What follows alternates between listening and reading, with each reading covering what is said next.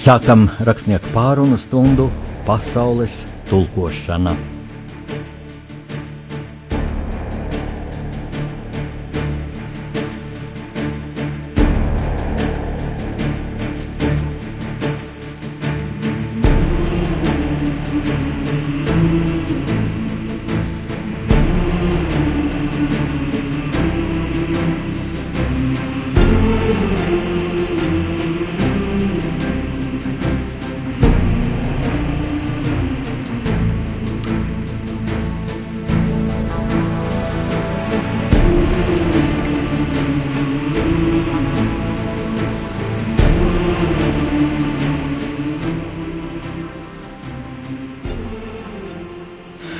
Lai slavēts iet vēsturē, jo Latvijai ir jauna valdība. Neteiksim, ka tas ir kāds nu, izcils notikums, valdības nāk un iet. Tomēr tas nozīmē stabilitāti, eh, konkrēti būs no kā prasīt, ko kritizēt. Tātad Latvijas jaunais ministrs prezidents ir Mārs Kučinskis. Viņu šodien pēc karstām parlamentu debatēm ievēlēja ar 60 balsīm, pret bija 32, uh, 8 deputāti. Tātad, um, acīm redzot, nepiedalījās gripas dēļ vai kādu citu iemeslu dēļ. Mārcis Kučinskis no Zaļzemnieku savienības. Un jāteic, ka man personīgi šis vēlēšanu Balsošanas rezultāts nebija pārsteigums, spēks samērs bija jūtams, bet vērtīgākais laikam gan e, šodien bija ļoti karstās debates. Ne jau tādēļ, ka kāds deputāts mm, tieši jau debašu rezultātā izšķirtos, par ko balsot. Domāju, tas jau iepriekš bija izlemts, taču varēja just, ka mūsu deputāti uh, tomēr pieiet savai misijai uh, daudz atbildīgāk un paškritiskāk, kā tas ir bijis pie iepriekšējo mm, valdību apstiprināšanas, jo ļoti kritiski vārdi tika teikti gan no mm, opozīcijas, gan pat arī no pozīcijas deputātiem. Es domāju, ka līdzinājuma opozīcija un pozīcija un tāda tā principā saglabāsies arī turpmāk par nepadarītiem darbiem, par daudzajām mm, problēmām. Un Tomēr ir labi, ka ar pirmo reizi šī valdība tika apstiprināta, jo pārāvums mm, starp divām valdībām nozīmē arī pārāvumu iesāktos projektos. Daudz projektu pat dažkārt tiek atmesti. Tas ir sāpīgi mūsu valsts attīstībai, kurā jau tā ir tik daudz problēmu.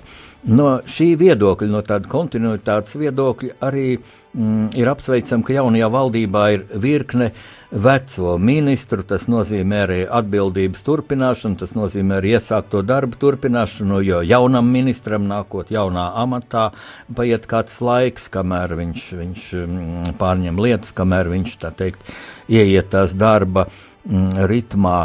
Nu, un, Labā vēsts pretstatā tam veidam, kā nācās demisionēt iepriekšējai laimdots straujums valdībai, uh, bija tāda šodien tāda lielāka deputāta vienotība. Un būtībā iepriekšējās valdības krišana bija Latvijas vēsturē unikāls gadījums, kad valdības demisija izraisīja mm, iekšējās problēmas premjera partijā. Un te nu es gribu teikt mūsu cienījamiem politiķiem, ka tā nav tikai partijas iekšējā lieta, jo mm, šāds mm, gadījums grauj eh, politiķu prestižu sabiedrībā un cilvēku uzticēšanos valsts varai, kas jau tādiem žēl ir ļoti zema. Par to noteikti jādomā mūsu jaunajai valdībai, un tas vispirms ir tā no kristiešu pozīcijām raugoties ļoti e, jūtams, jo ne jau, ne jau tauta ir priekš valdības, bet valdība ir tautai. Demokrātiskā valstī, kas ir demokrātija, tautas vara, un šie deputāti un tagad jaunie ministri šajos amatos sēž tādēļ, ka tauta viņus tur ir ievēlējusi. Diemžēl, būdama tauta, būdama nu, ļoti pasīva vēlēšanās, daudz nepiedalās pēc tam, lūk, kur un kāpēc ir tādi politiķi. Tad nevajag žēloties, vajag piedalīties vēlēšanās, un es ļoti gaidu, kad Latvijas politiskajā arēnā uh, parādīsies jauni spēki, jaunieši. Es ļoti gaidu, lai būtu kāda jauniešu partija. Nu, jaunajai valdībai, protams, nav paredzams vieglas dienas, jo valdība ir vesela gūzma samilzušu problēmu no visām tādām aktuālākajām jomām. Es kā pirmo tomēr izdalītu izglītību, tā ir mana pārliecība. Izglītība tas ir ieguldījums Latvijas nākotnē.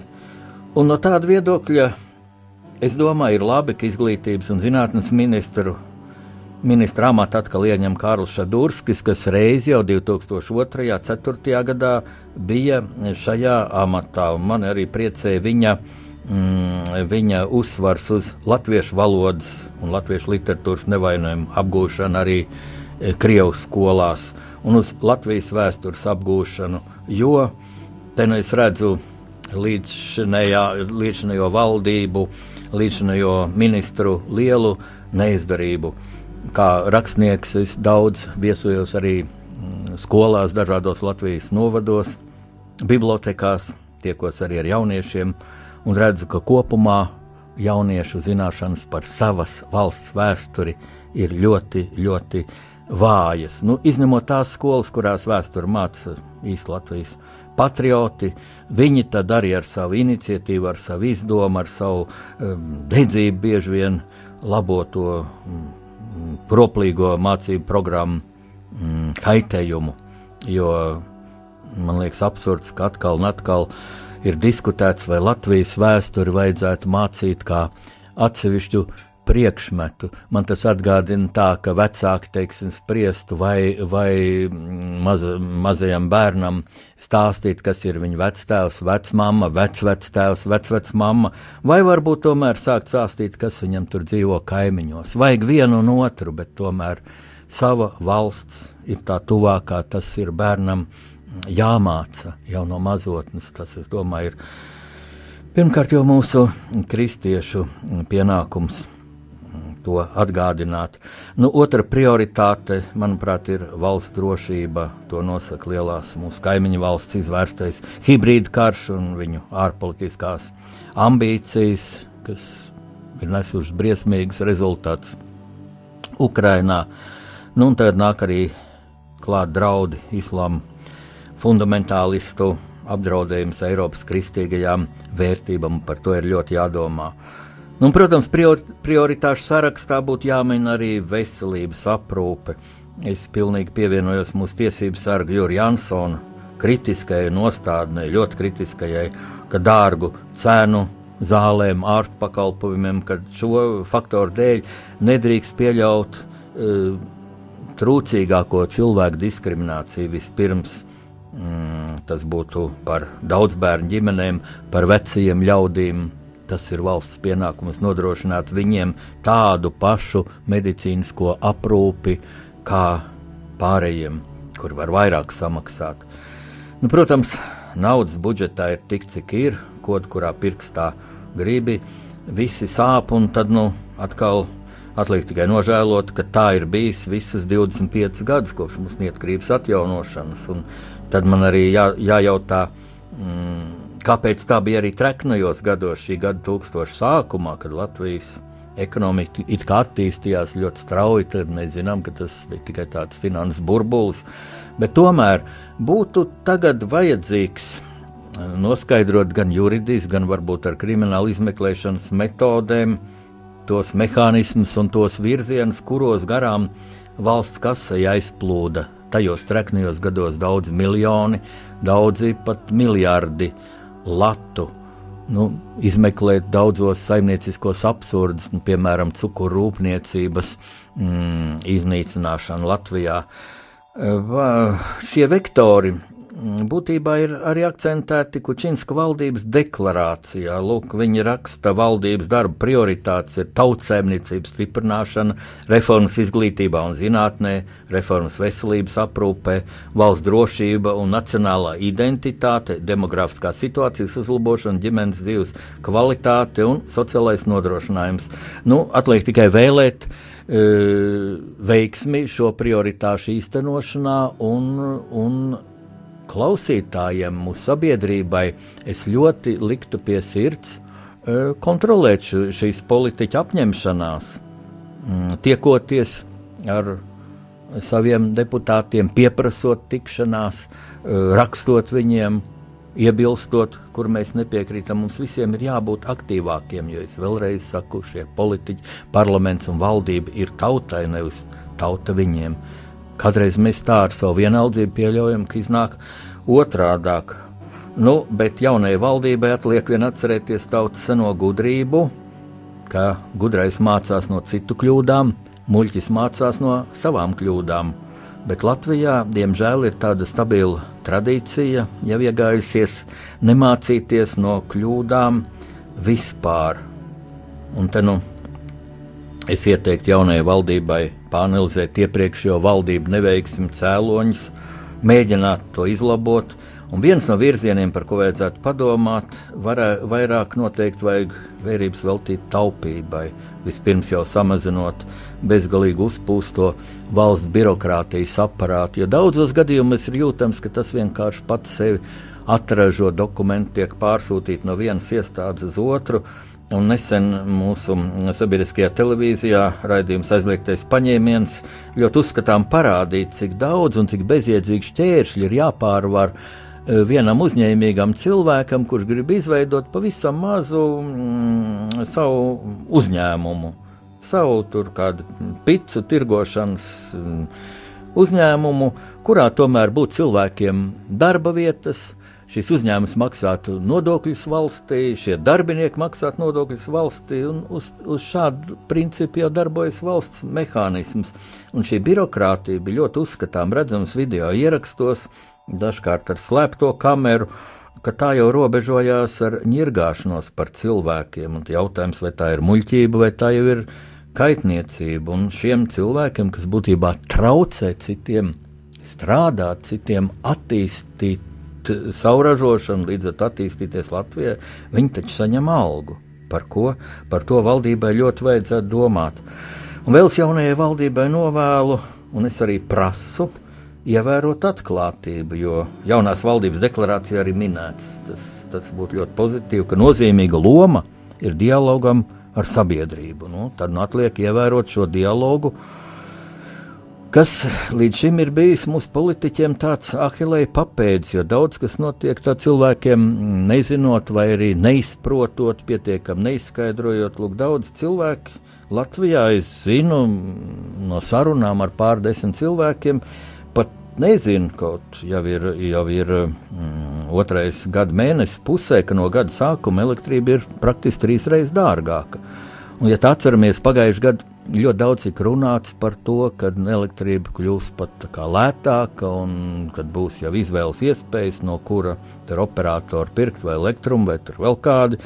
Un patiešām, jā, kad pienāk rēķins, pati tā elektrība ir pat nedaudz lētāka. Ja?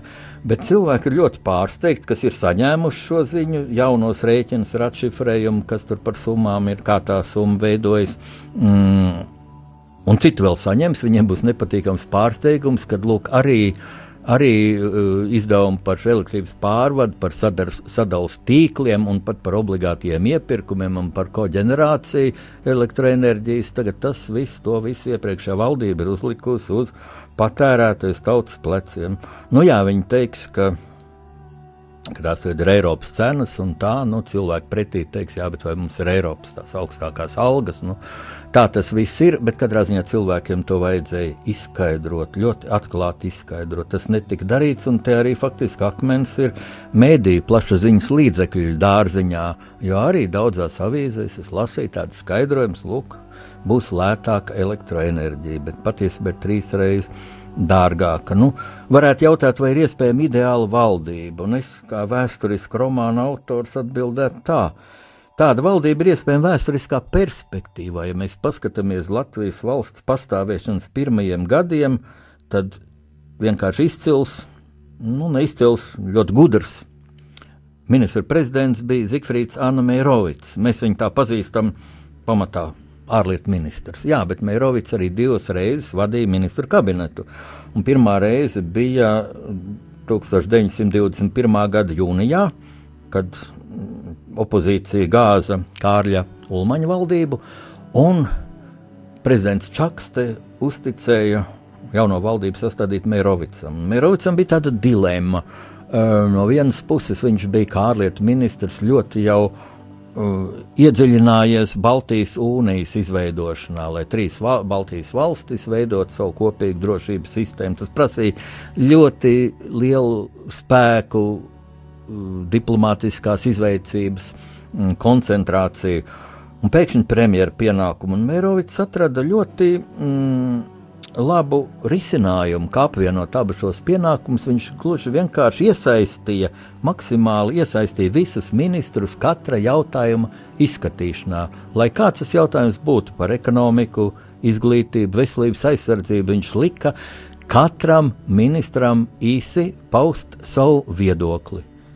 Un tad, kad šie viedokļi bija skanējuši, Mērovics rezumēja, kāds ir dominējošais viedoklis, un pauda savu viedokli. Tad tika pieņemts lēmums. Un patiesībā es no sirds ieteiktu arī jaunajam ministra prezidentam Mārim Kučinskim mācīties no savu tālā priekšgājēja mm, pieredzes, jo tad šie lēmumi noteikti būs, būtu, mm, būtu tādi racionālāki, gudrāki.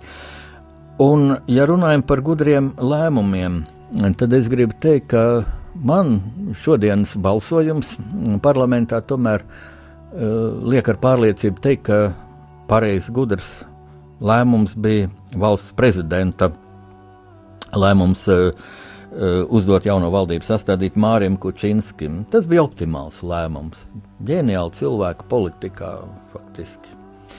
Šodienas politikā nav un varbūt arī nevajag vajag prasmīgus cilvēkus un arī tādus, kas, nu, ko var ievēlēt, lai nav ilga valstī politiskā krīze. Un no šī viedokļa man te nāk prātā tāda aina šeit pārdaugavā, te radio Marijas studijā. Es tā it kā gluži e, fiziski sajūtu tādu enerģētisku pentagrammu te pāri pārdaugavai, jo lūk, tepat līdzās radio Marija telpām ir Torņkalna Lutāņu baznīca, kurai es esmu piederīgs. Tad pavisam netālu ir Paulstradiņa klīniskā slimnīca, kurā pēc operācijas atgūst veselību mūsu prezidents. Un turpat līdzās šai slimnīcai Liepājas iela atrodas Svētā Alberta Romas katoļu baznīca. Un turpat netālu ir Āgenskalna baptistu draugs dievnams. Un kristiešus un, un garīdzniekus visos šajos dievnamos, šajās draudzēs vieno tāda laba draudzība un sadarbība, kas ir ļoti skaista Latvijas tradīcija Es domāju, ka mēs ar to varam lepoties mm, starptautiskā kontekstā. Un tad nu, Stradiņa slimnīca kā tā enerģētiski iekļaujas šajā ener labās enerģijas, labo domu pentagrammā, un es aicinu mūsu klausītājus arī sūtīt savu īpašo enerģiju, savas labās domas mūsu prezidentam, kas šobrīd atgūst veselības Stradiņa slimnīcā. Ziniet, cik tas ir svarīgi. Es sajūtu tajā brīdī, kad mūsu prezidents pirmo reizi no slimnīcas gultas runāja televīzijā. Un es ieraudzīju mm, prezidenta mm, skumjās acis, jo viņš nu, ir to brīdi, viņš ir gultā, viņš nevar tā pildīt savus pienākumus, kā viņš gribētu. Pat ja viņš spētu viņam to ārstu neļaut un pareizi darīt. Un, ziniet, es sirdī sajūtu, tas ir mūsējais, tas ir mūsu cilvēks, un viņam ir grūti. Un, protams, prezidentam bija grūti, jo operācija bija ļoti nopietna, varbūt pat smaga, būtu pareizāks vārds. Un varbūt no veselības viedokļa viņam arī nevajadzēja runāt vēl tad televīzijā. Tas prasīja piepūli, bet viņš saprata, ka vajag runāt, jo valsts pirmās personas veselības problēmas rada baumas, rada politiskas spekulācijas kas nenāktu par labu Latvijai. Un tobrīd, klausoties vējoņu vārdos un veroties viņa sejā, es arī sajūtu, viņam ir liels garīgais spēks, viņš izturēs. Un arī tāpēc tas ir pozitīvi, ka Vējonis ir visjaunākais valsts prezidents Latvijas vēsturē. Jaunāks par 50 gadiem vēl, ievēlēšanas brīdī ir bijis tikai Alberts Kviesis pirms daudziem gadiem. Uh, Man ir tāda sajūta, ka prezidents Vējons pašlaik klausās mūsu programmu Radio Mariju, un tāpēc, prezidenta kungs, mēs jums vēlam drīz un veiksmīgu atvesļošanos, un es esmu lasījis, ka labu dziedniecisko efektu dod laba mūzika, tāpēc arī Radio Marija raida jums prezidentu.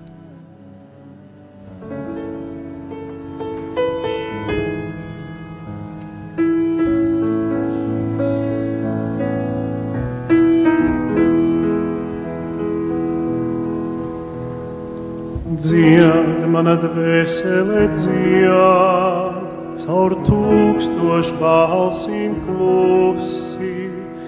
Dievs manā dvēselē dzied, kas zvaigznēm pieabirusi.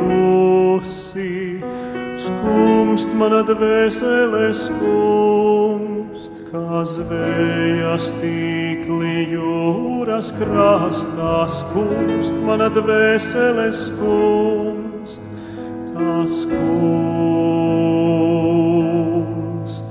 kur zemē. Dzied mana dvēselē dzied, caur tūkstošu balsīm klusi. Manā dvēselē dzied, kas zvaigznēm pieabirusi. Raud mana dvēselē raud par stāvu rāgam, man sāpēm raud mana dvēselē raud.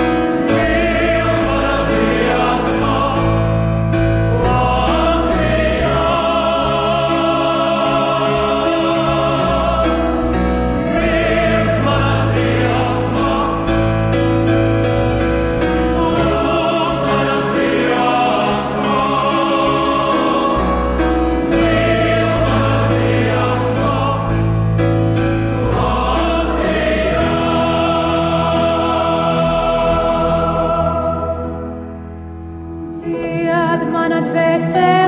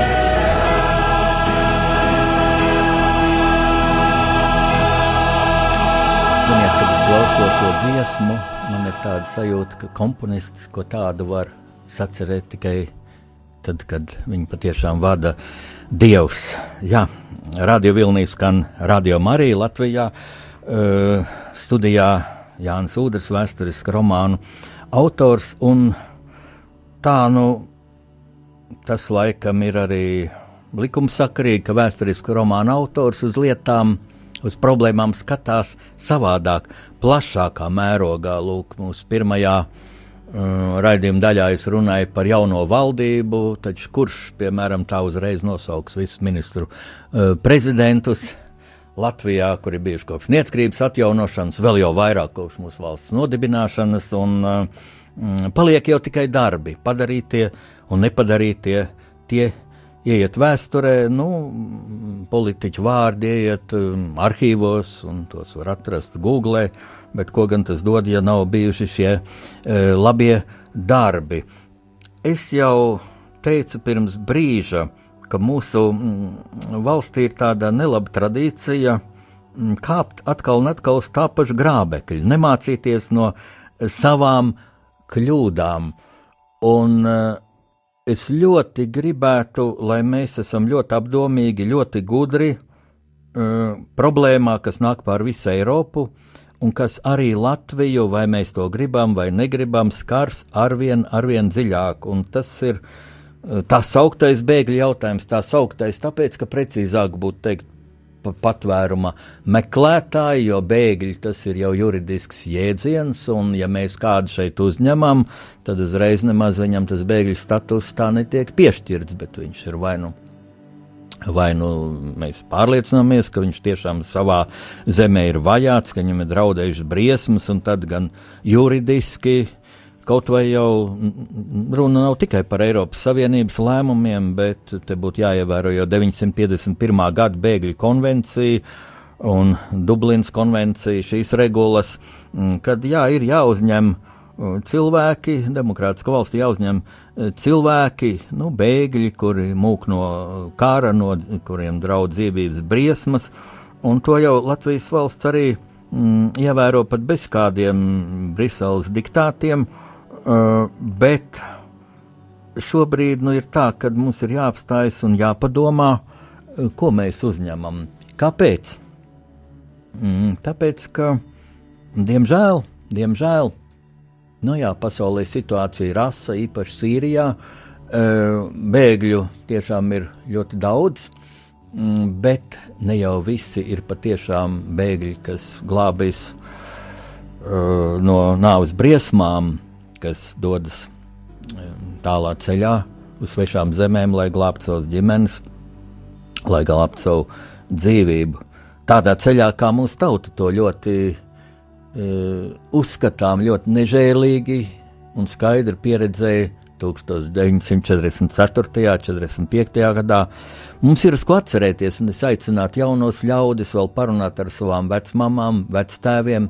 Viņi atceras to laiku, palasīt atmiņas. Es arī savā jaunajā grāmatā, mm, romānā Bruņinieks Roberts par notikumiem Kurzemē 44. gada vasarā, arī minu šo bēgļu epopeju.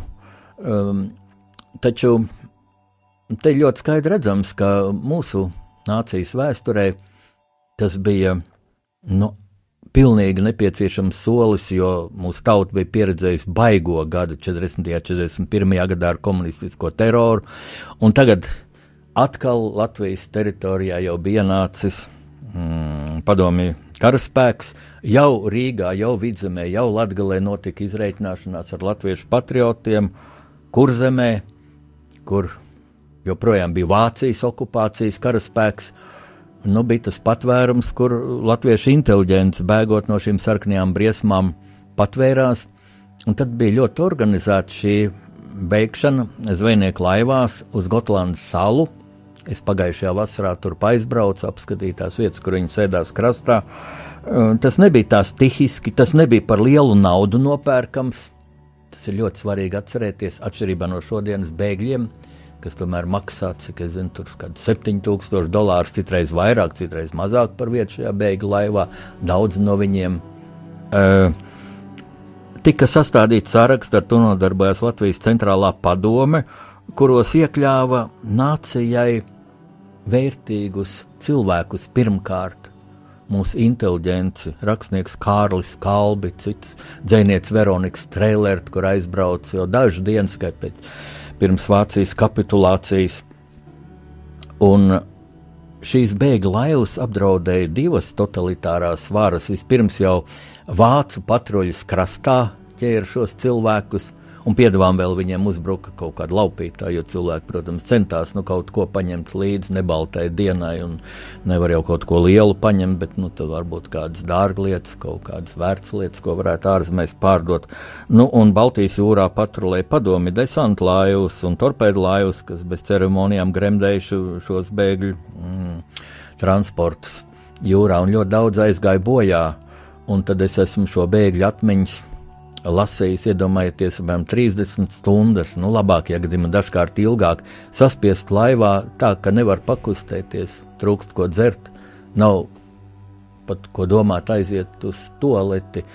Un kajitē ir vieta dažiem cilvēkiem, tur dažas mācas ar zīdainīšiem uz rokām mm, saspiedušās, laivā šļāts iekšā viļņi Un tad bija tādi gadījumi, ka jau redz Gotlandi, šo tuvāko Zviedrijas krastu, Gotlandas salu, un pēkšņi piebrauc uh, Krievu patruļu kuģis un paņem viņus un arestē visus. Un tas vēl labākajā gadījumā jau varēja arī nogremdēt, kad daudzos gadījumos notika. Tā kā uh, mūsu tautai nevajadzētu uh, tā pārmest neju, neiejūtību. Tas, ko es šobrīd gribētu kā tādu pašpārmetumu mums visiem izteikt, ka mēs negatavojamies pietiekami atbildīgi, nepieejam eh, šī jau, jautājuma lielākai aktualitātei Latvijā, kas noteikti būs. Mums pat parādās tādi jociņi, lūk, neviens nemaz negrib braukt pie mums. Un, uh, Un mēs sev tā mierinām, nu, tāpēc, ka, ka pie mums mēs tomēr tā kā nabadzīgi dzīvojam, un viņi brauc uz bagāto Vācijas, bagāto Zviedriju. Tā tas viss ir, tomēr tam ir jāpieiet daudz atbildīgāk, un ne jau tādēļ mēs tad priecāsimies, ka mums ir uh, salīdzinoši daudz zemāks dzīves līmenis, un, un, protams, gudri, ka mūsu valdības ir noteikuši šos pabalstus bēgļiem, tomēr daudz mazākus tagad nekā, teiksim, Latvijas nu, trūcīgākiem cilvēkiem, jo jo mums um, ir jā, jāatš, jāatšķir divas šo patvērumu meklētāju kategorijas. Uh, ir ļoti grūti aplēst tieši cik, bet pēc aptuvenām prognozēm apmēram viena trešā daļa no tiem daudziem simtiem tūkstošiem cilvēku, kas šajās nometnēs Itālijā, Grieķijā, Turcijā uh, gaida uz iespēju doties tālāk uz Vāciju, uz Zviedriju, jau šīm bagātajām Eiropas valstīm. Um, ir tādi, kam tiešām draudz dzīvības briesmas. Ja paskatāmies, tur ir ļoti daudz jaunu vīriešu, spēka gados, es teiktu, arī mm, kara dienesta gados. Sīrijā plosās karš, tie ir būtībā dezertieri, un kas tad gal galā viņu valsti ievedīja šo kārtību, kaut kādi uh, ārzemju algotņi, viņiem taču pašiem būtu jābūt saimniekiem savā zemē. Taču tas ļaunākais, ka lielākā daļa ir pašlabuma meklētāji. Un eh, kā viņus atšķirt, kā atšķirt vienus no otriem? Uh, uzņemt visas un pēc tam tur šķirot, tas būs ļoti grūti, jo kur viņas pēc tam likt. Mums, nu tā saka, sūtīsim atpakaļ, bet tas nav tik vienkārši. Tad ir ar katru valsti, no kurienes viņi ir ieradušies, jānoslēdz readmisijas šis līgums, ko diez vai tā otra valsts arī tā gribētu noslēgt. Ļoti, ļoti sarežģīta juridiska mm, procedūra, un no kristīgā viedokļa pieejot. Nu, protams, mums ir jāpalīdz cilvēkam, kam draudz dzīvības briesmas, kas ierodas mm, no kara darbības vai no kaut kāda asiņaina diktatoriska režīma, kas ierodas jau vairāk ģimene.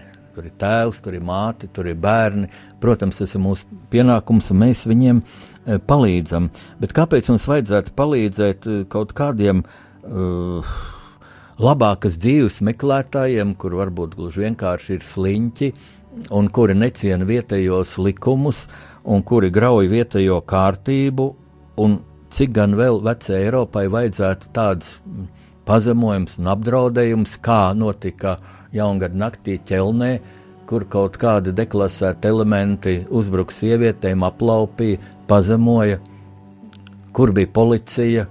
Man visvairāk satriec tas, ka ļoti ilgi mm, plašsaziņas līdzekļi Vācijā par to klusēja. Tad viņiem tomēr bija mm, pastāv zinām cenzūra, viņiem neļāva par to runāt no tautas, tad, tas tika slēpts. Uh, Un vēl vairāk man satriec tas, ka pēc tam ķelnis birģermeistari centās vainu novelt uz pašām šīm sievietēm, ka nu, viņas tur viņām jārēķinās, ka šie Āfrikas imigranti ir pieraduši savādāk, un ja viņi redz sievieti, kas ir ar īsu kleitu, tad viņi to uzskata kā izaicinājumu. Man liekas, tādas spriedelēšanas ir, ir, ir ļoti demagoģiskas, un uz šī fona man pārsteidz arī, ka mūsu mm, vairākos televīzijas kanālos redzēja diskusijas, diskusijas, kad arī jā, ka tomēr nu, ir jārēķinās, neizaicināt šos cilvēkus. Tas viss ir pareizi, lai to mammas māca savām meitām, ka nevajag krāsoties, ja tu ej uz tādu nepazīstamu vietu, ka nevajag runāt ar svešiem cilvēkiem un tā tālāk. Un tā tālāk. Bet, ja cilvēkiem uzbrūk, ja viena sieviete aplēns kādu pieci cilvēku un pat dažos gadījumos izvaro un kaut kā apvainojoši apgrābsta, Es klausījos internetā šo sieviešu liecības, un man visvairāk satriec tas, ka viņas teica, ka tas jau nebija pat tā, ka nu, tur iedzērušies kaut kādi nesavaldīgi, nekulturāli vīrieši vairs nespēja sevi kontrolēt. Viņas teica, viņi ļoti labi sev spēja kontrolēt, viņi centās parādīt, mēs tagad šeit esam saimnieki, mēs šeit esam saimnieki, un tā tas varētu būt tādiem deklasētiem mazvērtības kompleksu mocītiem cilvēkiem, kādas es redzēju, starp citu, Marokā. Es esmu bijis vairāk kārt vēl dažās arābu valstīs, un tieši Marokā, kur ir trešā daļa uh, analfabētu, no kurienes visvairāk šis um, starptautiskais terorisms rekru, rekrutē izpildītājus, kur daudzi jaunieši nevar atrast darbu, um, arī negrib arī negrib, jo tas ir arī diemžēl slinkums ļoti raksturīgs šajā reģionā. Uh, gluži vienkārši nu, viņi izturas agresīvi pret turistiem, nerunājot par to, ka apzog, ka, eh, ka apkrāpj, tas tur ļoti plaši izplatīts. Lūk, kā atšķirt vienus no otriem es runāju ar kādu politiķi. Mm, izrādās arī, ka nu, mūs visus satrieca, kas to redzēja, tāds internetā tāds kadrs, kur maza puisīša līķis jūrā noslīdis puisīts vidus jūrā un izkalots krastā. Tas ir briesmīgi, tas ir briesmīgi, bet uh, ir noskaidrots, kas bija tas puisīts. Izrādās, ka viņa tēvs jau bija viens, jau agrāk ieradies Eiropā. Uh, it kā tas motīvs bija zobus salabot pie laba zobārsta, ja, tad viņš tā kā iekārtojies, un tad aicina sievu ar bērnu. Nu, un tad laiva pārpildīta, un kā nu tur notika, laiva apgāžas, grimst. Un, protams, šī sieviete nevarēja bērnu izglābt, bērns noslīka. Tad jau, jājautā, kurš tad ir vainīgs pie šī bērna nāves, un taču viņa bezatbildīgie vecāki. Un tad ir uh, jājautā, kas tad tas ir par bēgli? Vīrietis, kurš atstāja savu sievu, savus bērnus tur mājās, Sīrijā vai citā valstī, ja tiešām tur draud, draud briesmas un brauc šeit, tā teikt, iekārtoties un pēc tam šo ģimeni vedīs šurp. Tas ir gluži vienkārši avantūrisms. Un tad jautājums, kā to nošķirt? Kā nošķirt? Un politiķi vidū valda milzīgs apjukums. Milzīgs apjukums. Un, uh, Un tad es gribu minēt tādu spilgtu viedokli no Kristīgās baznīcas. To pauda katoļu baznīcas Latvijas arhibīskaps Bigņevs Stankēvičs. Tas bija mm, gada sākumā, 15. janvārī, Zinātņu akadēmijā, kur notika barikāžu 25. gada dienai veltīta zinātniskā konference. Bija diskusija, uh, Tur līdzās Stankēvičam sēdēja eh, Lutāņu biskups Pāvils Brūvers, tur bija akadēmiķis Jānis Stradiņš un citi prominenti e, cilvēki vadīja diskusiju. Zinātņu akadēmijas viceprezidents Tālaus Junzis, un es mm, uzstādīju tādu problēmu, vai tagad, kad ļoti sāsinās sociālās problēmas, drošības situācija, kad sabiedrība ir, diemžēl, ļoti apjukusi Latvijā, vai garīdzniekiem nevajadzētu mm, nu, aktīvāk iesaistīties politikā? Mans jautājums bija apzināti provokatīvs, bet es arī atsaucos uz atmodas laika pieredzi, ka tautas frontes mm, dibināšana inicijēja mm, būtībā grupa jauno mākslinieku, Juris Rubens, tur vēl daži. Un, Parlamentā pirmajā mūsu augstākā padoma toreiz vēl bija nobalsoja par Latvijas neatkarību, par neatkarības deklarāciju. Tur bija uh, vairāki garīdznieki. Nu, un tad uh, arhibīskaps Zbigņevs Stankēvičs man, protams, um, ļoti korekti aprādīja, ka tas nu, nav um, aktīva darbība politikā, nav savienojama ar, ar priesteru sūtību, ar garīdznieku sūtību.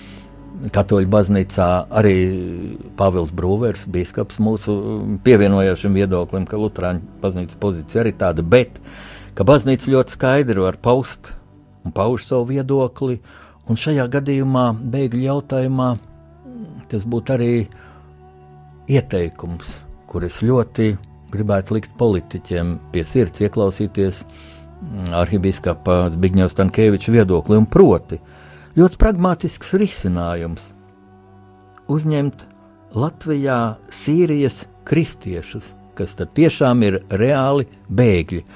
Lūk, es runāju ar vienu politiķu, viņš saka, kā mēs tā dalīsim. Un patiešām būtu, būtu jau varbūt nehumāni tā dalīt, tur, tur ticīgs vai neticīgs vai pie kādas konfesijas, bet būtu katrs piekritīs, ka būtu loģiski uzņemt vispirms tos, kas ir visvairāk apdraudēti. Un tad, lūk, Sīrijā, kur būtībā ir trīs, jau trīs spēku sadursme, valstī, kur pārsvarā ir sunīti, 60%, manuprāt, šīti, paši, jau šīti tur ir mazākumā, bet kristieši, visi konfesija kristieši kopā tur ir tikai 10%, un pret viņiem ir izvērsts nežēlīgs genocīds. Un daudzi šie patvērumu meklētāji, protams, melo. Daudzi šie jaunie vīrieši vienkārši viņiem prasa dokumentus. Viņi saka, nav, viņiem tur pazuda bēgot, un kara darbībā tika atņemti dokumenti. Un tad ir grūti pārbaudīt, no kuras valsts viņš ir īstenībā un, un kā risināt šo jautājumu. Bet uh, ar kristiešiem taču to tūlīt redzētu sarunā ar viņiem. Vienkārši draudzīgā sarunā par kristīgajām vērtībām. Es domāju, tur pat nevajadzētu viņu eksaminēt, lai viņš noskaidrotu tēvreizu vai, vai, vai citai bībeli. Nē, vienkārši sarunājoties, to jau nevar neredzēt, vai viņš, viņš vadās no kristīgiem principiem vai nē. Un tagad es gribu uzsvērt to, ka mūsu valsts ir būtībā tāda ļoti atbildīga pienākuma priekšā. Mēs jau vairāk nevaram diskutēt, vai mēs uzņemsim vai nē, jo zināms skaits mums ir jāuzņem šos bēgļu. Sabiedrībai ir liela neskaidrība, cik tad īsti figurē dažādi skaitļi, un es te gribu atgādināt dažus faktus. Vēl pagājušajā vasarā figurēja skaitlis 250 cilvēki, nu, un tad pērn 9. septembrī Eiropas komisijas prezidents Junkers pieprasa, ka Latvijai divu gadu laikā jāuzņem 776 cilvēki. Daudziem tieši šis skaitlis iesēdies prātā, bet toreizējā mūsu premjerministre viņa tā arī teica, ka viņa mudina cilvēku šo skaitli tā īpaši neiagaumēt, jo izšķirošā cīņa vēl ir priekšā, jo būtu jau ārkārtīgi bezatbildīgi gan pret mums, mūsu sabiedrību, gan pret tiem nelaimīgiem cilvēkiem, kur tiešām vajag palīdzību teikt. Tā kā Vācija savā laikā teica, un pat vēl tagad skan tādi saukļi, brauciet tikai šurp, vilkomen, jūs te visi esat gaidīti, taču jāpadomā reāli, kā šos cilvēkus izvietot, nodrošināt un nodrošināt viņiem cilvēku cienīgu dzīvi, vai mēs to spētu, mēs to, protams, nespētu, un tas būtu arī Latvijai bīstami no demogrāfiskā viedokļa, jo No ekonomiskā viedokļa, jo mūsu tautas saimniecība nav sakārtota. Mums ir pārāk, pārāk lēna attīstība. Mūsu cilvēki paši brauc prom labākas dzīves meklējumos uz rietumiem.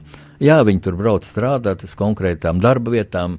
Es ļoti ceru, ka, ka, ka lielākā daļa no viņiem atgriezīsies, bet, eh, bet realitāte ir tāda, kā ir. Un tad nu bija tā, ka 27 22. septembrī pērn mūsu iekšlietu ministrs Kozlovskis atgriezies no Eiropas Savienības iekšlietu ministru sanāksmes paziņoja, ka Latvijai ir jāuzņem divu gadu laikā jāuzņem 531 patvērumu meklētājs. To arī mūsu oficiālais laikraksts Latvijas vēstnesis, tagad tas ir internetu portāls, skaidroja pērn 8. oktobrī. Un pat ja šis skaitlis mazliet mainītos, bet nu, viens ir, kad mūsu mm, parlamentārieši ir vienojušies, un tā ir arī visu valsts institūcija pozīcija, kad nekādā ziņā mēs nevaram piekrist kādam obligātām e, kvotām, ko uzlikt Eiropas Savienība, jo tas vienkārši nebūtu nopietni, mēs to nevarētu. Uzņemt vēl lielāku skaitu šo patvērumu meklētāju, bet uzņemt nu, vairāk kā pustūkstoši kristiešu mūsu valstī tas būtu ļoti samērojami, ļoti adekvāti. Un runa ir par šo cilvēku integrāciju. Lūk, ja cilvēkus, kas vadās no kristīgajām vērtībām, būtu daudz vieglāk integrēt kā ateistus, kaut, kaut kādus ciniskus laimes meklētājus, pašlabumu meklētājus. Tie ir tiešām cilvēki, kas glābi savu dzīvību.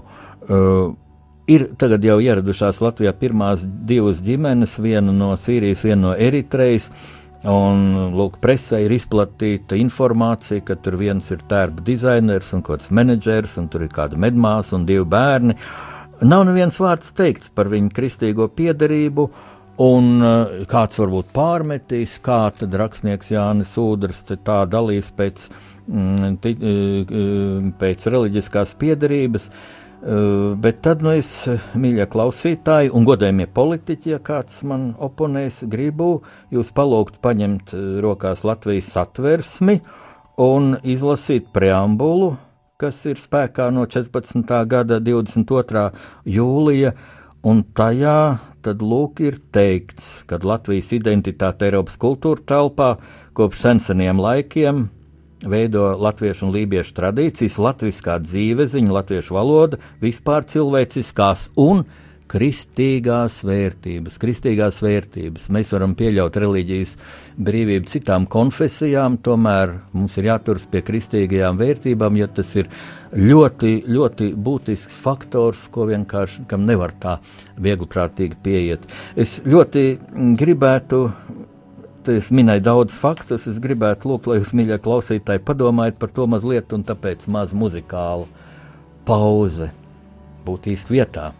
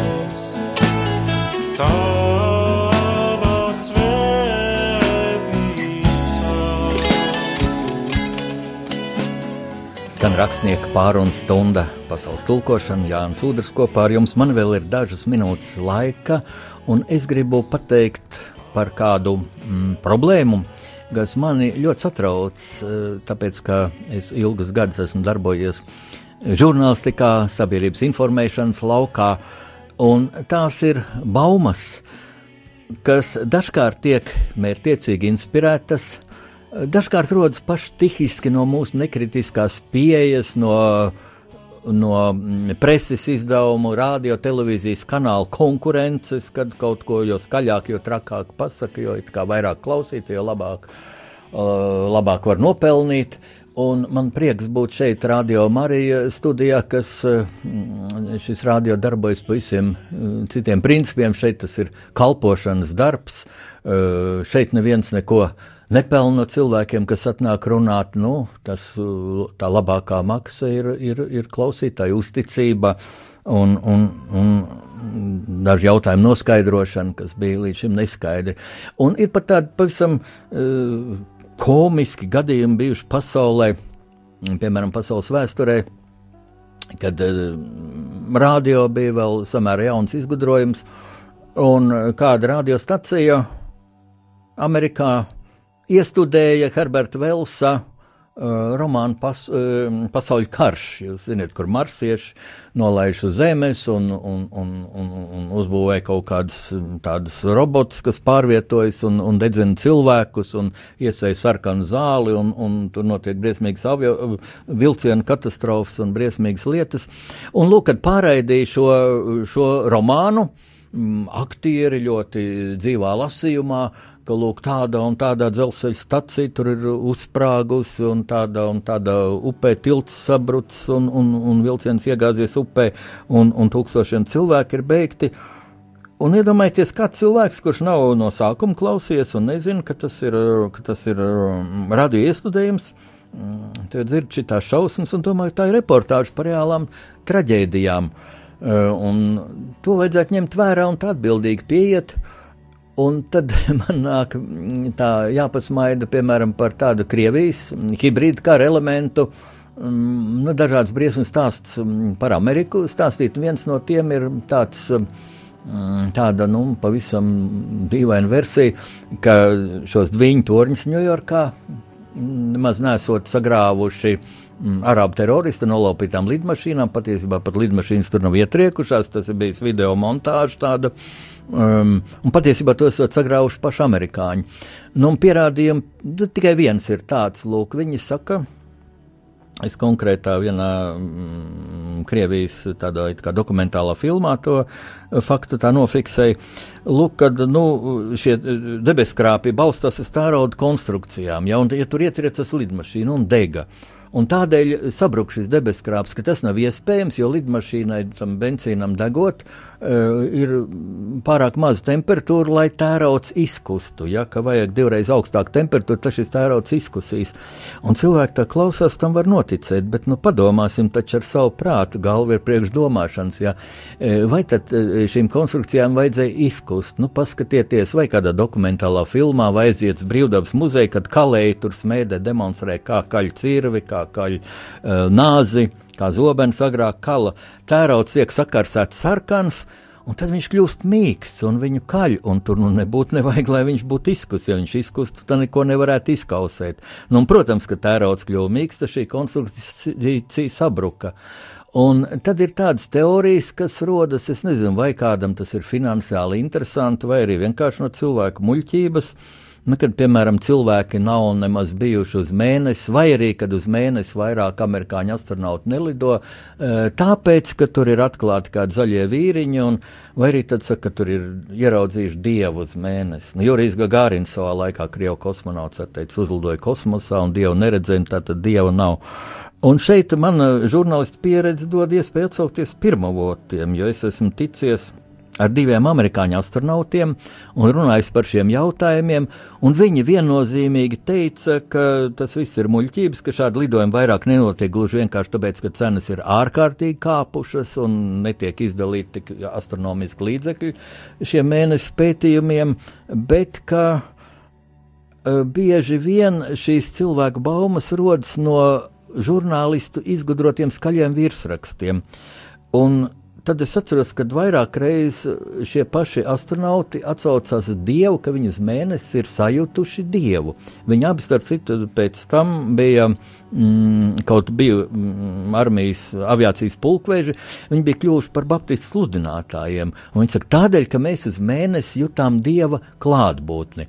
Viņi minēja piemērus, kā viņi jutuši šo Dieva klātbūtni. Diemžēl tam man šodien vairs nav laika, man ir jābeidz, es to jums pastāstīšu citreiz, bet lūk, te jau tikpat labi es varu teikt, viņi uz mēnesi redzēja dievu un cilvēku tālāk izplatīt šo baumu, bet katrā ziņā viņi šo dižano darbu veica tādēļ, ka Dievs cilvēkam ir devis milzīgas iespējas. Mums tikai tās vajag apjaust, pienācīgi novērtēt un godīgi pret tām izturēties ar to. Arī es mīļi klausītos šo, šoreiz beidzu. Es biju Jānis Udrs, vēsturisks romānu autors, radio Marija, rakstnieku pārunu stundā pasaules tulkošana lai Dievs sveitība ar jums!